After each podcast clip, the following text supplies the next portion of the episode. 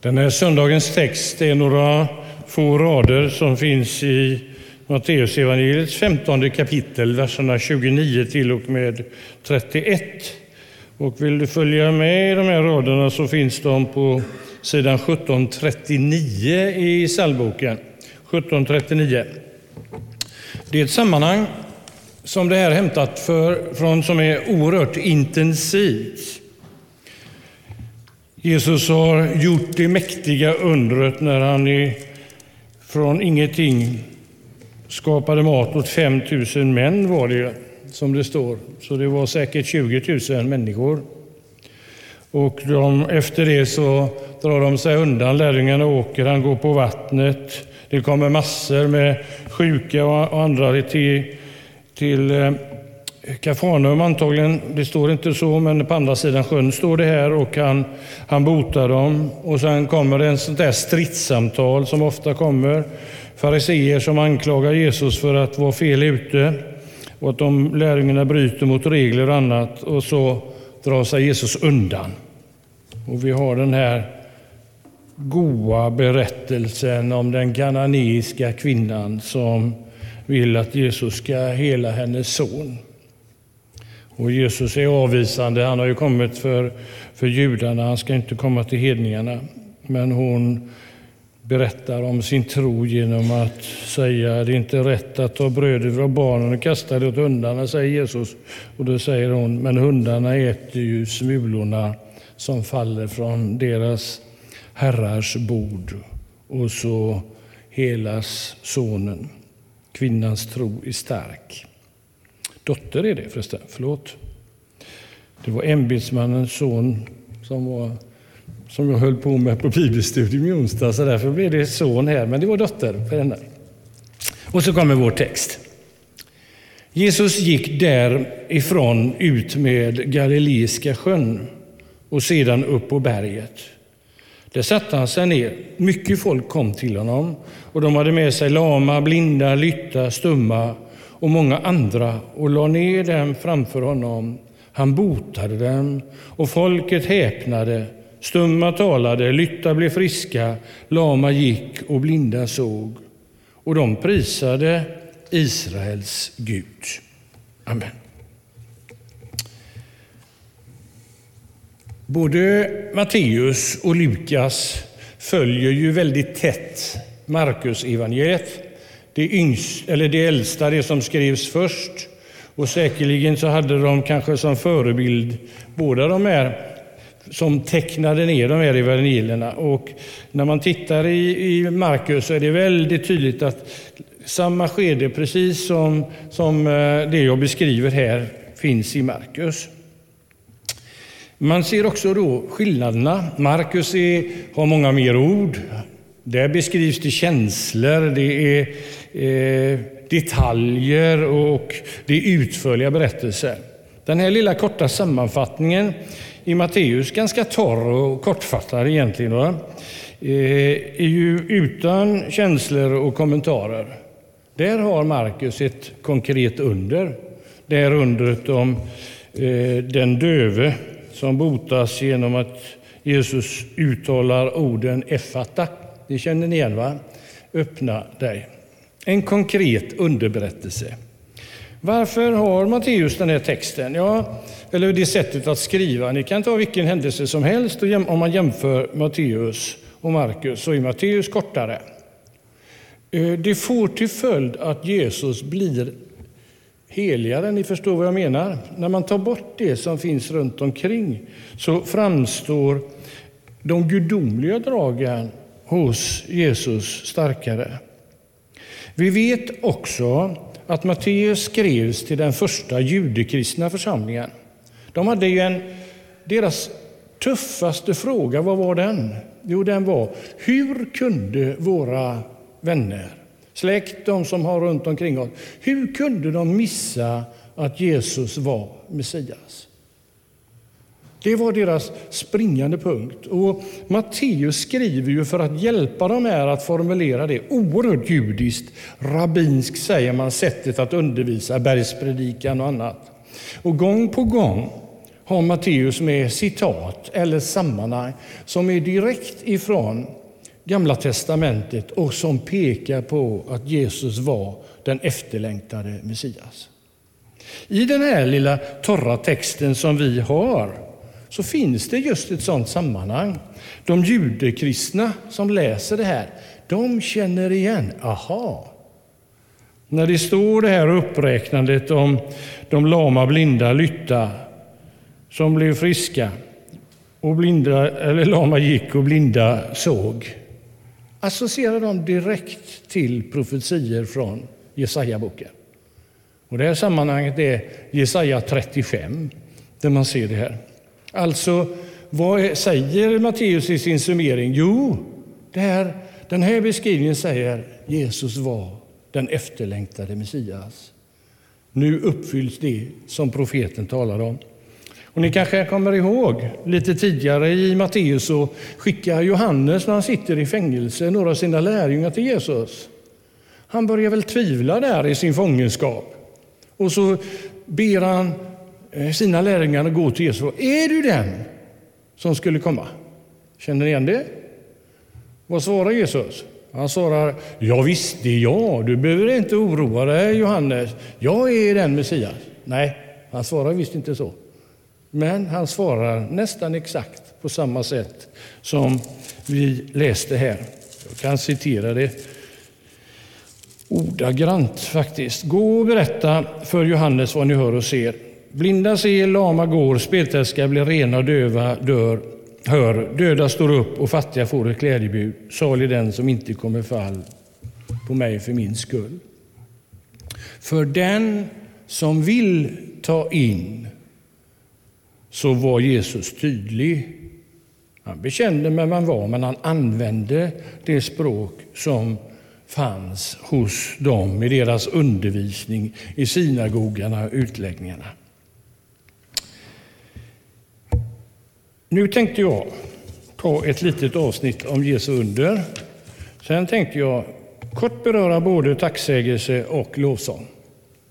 Eftersom ni kommer själva att få, ni som vill samtala vidare om det här, ge lösningarna till tacksägen och lovsången så kommer jag inte ge självklara lösningar utan det får ni göra sen vid borden. Men hur är det med de här undren som Jesus gjorde? Är de viktiga? Är de eh, avgörande? Ja, de var avgörande på den här tiden. Det var på det sättet som Jesus nådde otroligt stora människoskaror. Och I avsnittet efter här i Johannes så är ju nästa brödhunder 4 000 män kanske åtminstone 15 000. Trots att han befinner sig på andra sidan Galileen, då ska jag ju rita på den sidan eftersom ni ser eh, eh sjön så, så är han alltså öster om det som kallades för Decapolis, de tio städerna som ingick i provinsen, den romerska provinsen Galileen där Herodes Antipas var faktiskt, hade faktiskt kejsartitel, prokurator också, men han hade kejsartitel.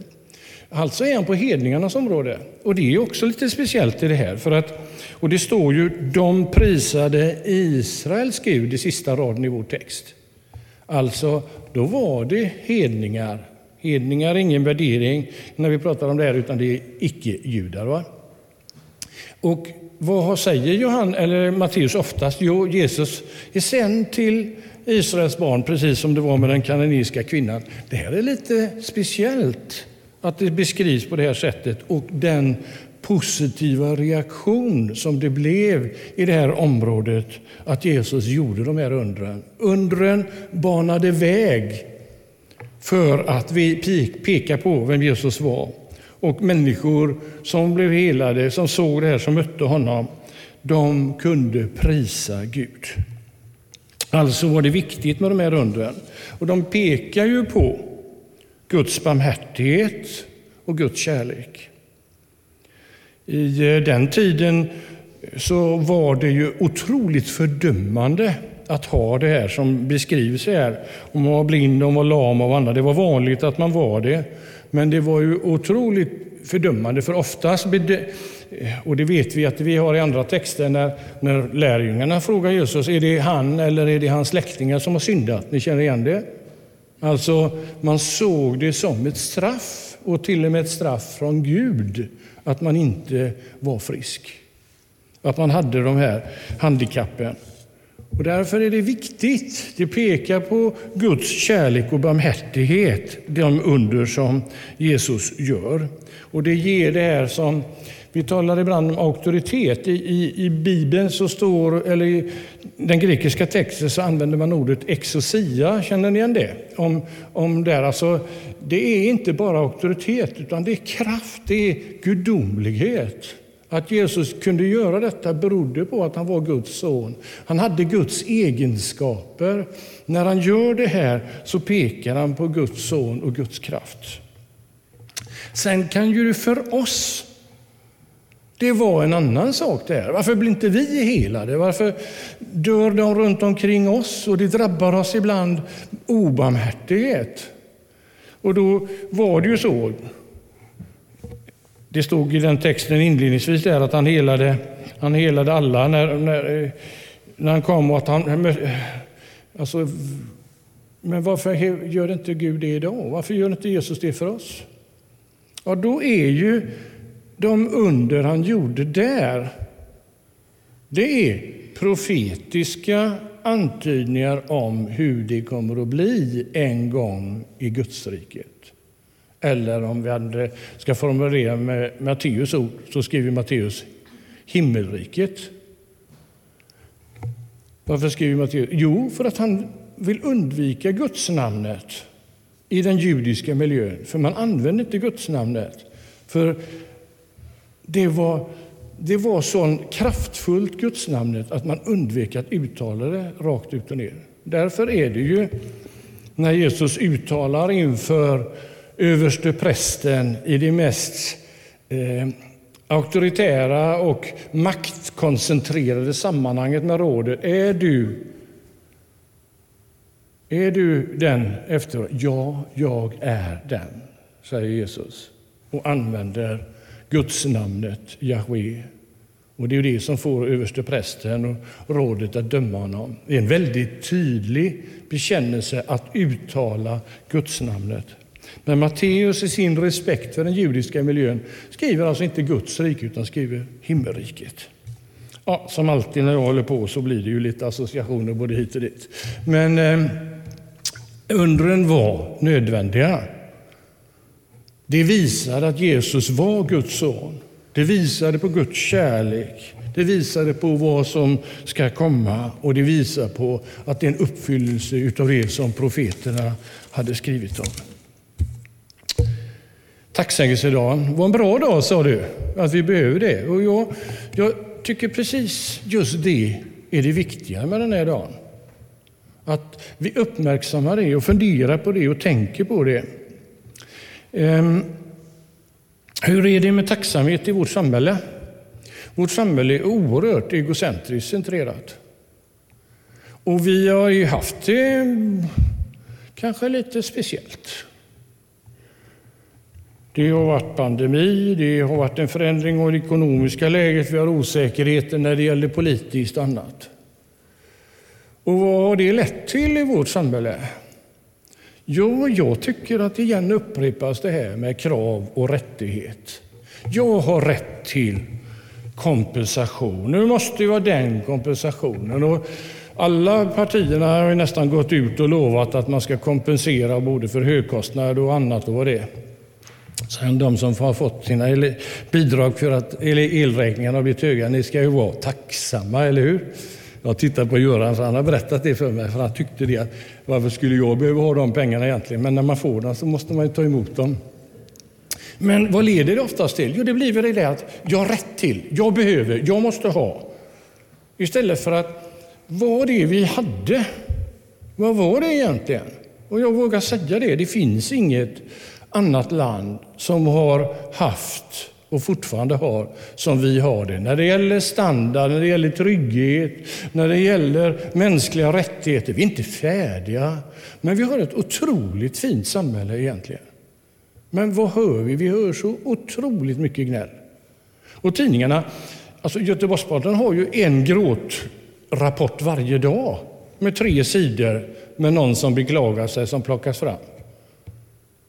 Väldigt sällan läser vi om den där som har blivit behandlad rätt. Eller den som är tacksam för att de har fått sitt elbidrag eller annat. Och det här leder någonstans till ett sätt att vi missar att vara tacksamma. Och sen handlar ju inte tacksamhet inför Gud egentligen om vår situation här, men det är den vi är beroende av. Och så är det ju när vi blir sjuka. Alltså, det är ju inte roligt att bli sjuk. Det är inte, det är inte roligt när det drabbas. Det är jättetufft när folk i närheten av oss drabbas. Och då ibland är det ju så att just därför att vi är skadade i vår inre människa så rör det också vår gudsrelation. Det kan vara tufft med vår tro när det händer runt omkring oss, när vi drabbas. Och då är det inte så lätt att tacka eller sjunga lovsång. Jag hade två av mina underbara barnbarn hemma igår. Och den lilla tvååringen som inte säger så mycket, men hon kan ju säga tack, kan hon säga nu. Och ja, det är ju jättemysigt när han säger det. och så där, va? Men, men er, ja, vad ska du säga nu? tack! Vi fostrar våra barn att tacka. Men hur är det? Lär vi dem oss själva tacksamhet?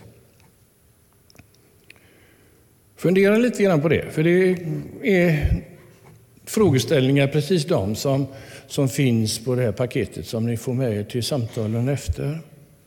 Jag har ett, en liten ingång i det här som jag tycker också gäller lovsångsbiten som kommer i mitt nästa ämne.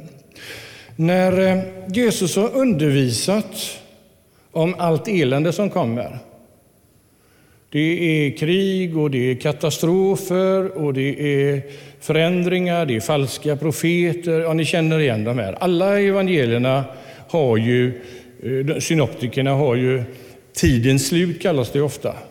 Det är sista veckan Jesus de sitter där på andra sidan tempelberget och tittar på det här och de uttrycker hur vackert är det är. Och så börjar Jesus att säga att ja, det här kommer att rivas ner, allt kommer. Och så berättar han om framtiden.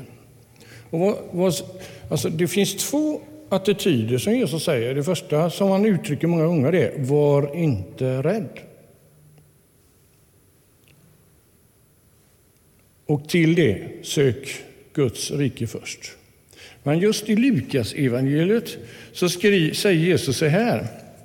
När allt detta börjar räta på er och lyft era huvuden ty er befrielse närmar sig. Alltså, när eländet kommer, res på er och titta uppåt. Vad menar Jesus? Jo, han menar kom inför Gud och sök Gud. Se vem Gud är och hur Gud är. Alltså man, Ja, ni vet, det fanns ju avarter på trosrören till exempel när man sa att någon blev frisk. Ja, nu ska du, eller var sjuk. Tacka nu för att du är frisk. Eller för att du är sjuk så blir du frisk. Även om man var hur fri, eh, halvdöd som helst så skulle man tacka Gud. Då var det lösningen. Ni känner igen det? Det är inte det jag menar. Ja, på ett sätt är det ju rätt, men det, är inte det. det handlar inte om det, utan det handlar om inte att jag ska bli frisk då, utan det handlar om att jag ska se Gud och vem Gud är. Söka Gud för det han är. Lyft, räta på er en hållning inför Gud. Vad är lovsång då, då? Ja, det är ju inte form och det är inte melodi och det är inte text. Utan lovsång är det när sången riktas till Gud för den han är. Och då handlar det egentligen inte om oss igen, utan det handlar om Gud. Och då är det befriande. Vi har säkert varit med om det allihop, hur befriande det kan vara att få sjunga lovsång. När jag var 9-10 år, 59-60 var det på Dals Ed, Titta på Göran igen, för då vet jag att han var där. Men eh, då var jag ju med som pappas pojk. och fick, var så gammal så jag fick vara med på de här andakterna som var i slutet av den där intensiva dagen. Och så var det ju att man sjöng körer. Man sa ju inte att det var lovsång. Man sjöng körer. Det var pärleporten och det var det andra och det var enkla ord. Kanske naiva som vissa av lovsångskörerna idag. Men det var mäktigt. Och så var det vittnesbörd, det var några som berättade enkelt om sin tro. Och då tog jag emot Jesus personligt. Men sen var jag ju tyvärr väldigt förståndig, för det hade jag också fått med mig hemifrån. Så jag visste att jag kunde ju inte gå fram och lämna åt Gud där som man gjorde på den tiden.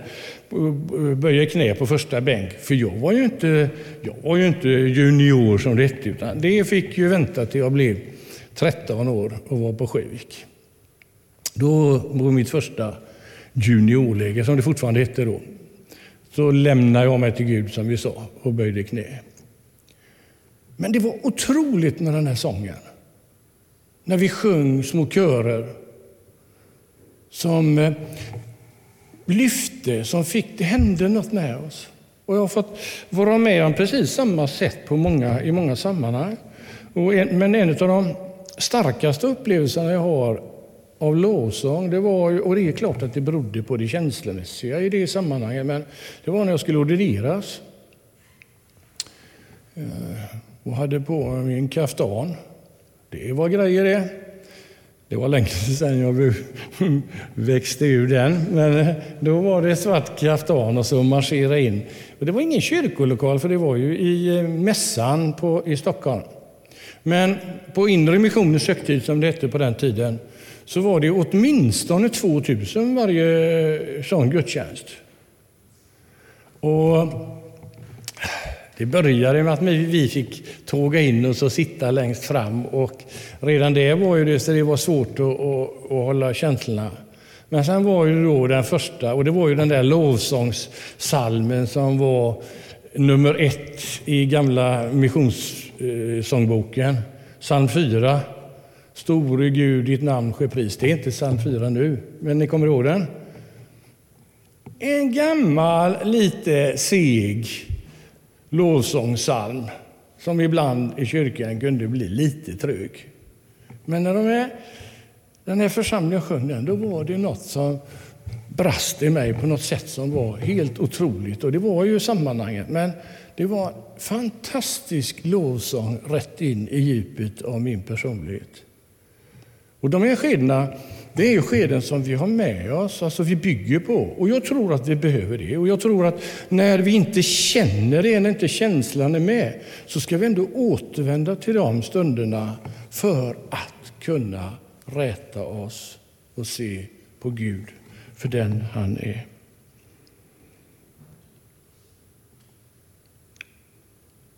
Alltså jag känner att jag vill berätta en annan sak för er. Eh, för jag kommer inte ifrån det, och det har inte riktigt med detta att göra. Men eh, 2014 så i april skulle jag för tredje gången eh, åka till Skövde för att de skulle försöka bränna in i mitt hjärta. Och jag visste, och det hade läkaren sagt, att går inte detta nu så är det kroniskt flimmer för dig. Och då visste jag ju vad det innebar. Det var eh, varan eller liknande och det var medicinering och det var ett annat liv. På söndagen så var jag här på gudstjänst. Och eh, jag hade ringt till Staffan och bett att, att han skulle ta med mig som förbudsämne. Staffan han var ju koncentrerad ibland, så han hade inte sett att jag satt där var med. Så han började be för mig att ta fram det. Så jag gick fram och så såg han mig. Oj, är du här? Och han lade händerna på mig och bad för mig. På morgonen när jag kommer till Skövde, det är fantastiskt, det är några av er som har varit med och sett den här otroliga anläggningen som gör att det finns en enorm tacksamhet för vår vård i vårt samhälle. Där det räcker inte med tio personer i en utrustning som är otrolig, bara är där för att ta hand om mig. Och när jag ligger där och de ska söva mig så känner jag en lovsång. Jag känner en sån, och jag kan inte beskriva den annat än med frid. Alltså, ni förstår vad jag menar. Det finns inte en oro för vad som ska ske. Det finns inte, en, det finns inte någon nervositet. Det finns bara en enorm trygghet och en värme och en glädje. Och jag vet ju att det var flera av er som bad för mig då. Det här att bära varandra i församlingen inför Gud i bön och förbön. Jag tror att det är, när det gäller det, alltså det har med tacksamhet och lovsång att göra, men det hjälper oss att kunna i den svåra situationen räta på oss och rikta blicken uppåt. Ja, och jag, alltså jag, ni, det vet ni ju att det gick ju vägen. Läkaren lyckades bränna av det som eh, förstörde sinusknutans signaler så att eh, jag har inte haft något flimmer sedan dess. Och det är jag oerhört tacksam för och slipper all det här med medicinering och annat. Och det, oh, läkarna gjorde sitt, givetvis. Men förbönen och det som församlingen gjorde och det som att få vara innesluten på det sättet det gör också saker som vi inte kan mäta. Och Jag tror att det här är, det här är kärnpunkter för oss att tillsammans bära varandra och för att också upptäcka Gud och hitta tryggheten hos Gud. Ni som vill sen får chans att berätta för varandra om vad tacksägelse är för er och vad lovsång är för er och vad ni får uppleva för det. Och jag tror att det här när vi berättar för varandra det är ett jättebra sätt att hitta det. Jag kommer inte några mera teologiska lösningar idag. Men jag vill ändå avsluta igen det här med att lovsången är faktiskt en protest mot det onda. Det är en protest och en trots mot det som inte är det bästa som skulle kunna vara i samhället. Och det hjälper oss att höja blicken från eländet och bekymren som vi har. Lovsången kan ge oss en befrielse och en kraft att orka med vardagen och ge hopp om den framtid som finns bara i Guds rike. Då, när alla som Paulus skriver i Filipperbrevet, ska böja sina knän och lova och säga Jesus Kristus, du är Herre. Herre, förlåt oss när vi glömmer av att se hur bra vi egentligen har det. Förlåt oss när vi glömmer att vara tacksamma. Förlåt oss när vi missar att se dig för den du är. Herre, jag ber för den som absolut inte kan känna det just nu, att den skulle få hjälp och få kraft att hålla fast i tron, men också stöd att komma vidare. Hjälp oss att ald låt aldrig din lovsång tystna i våra hjärtan, i vår församling. Amen.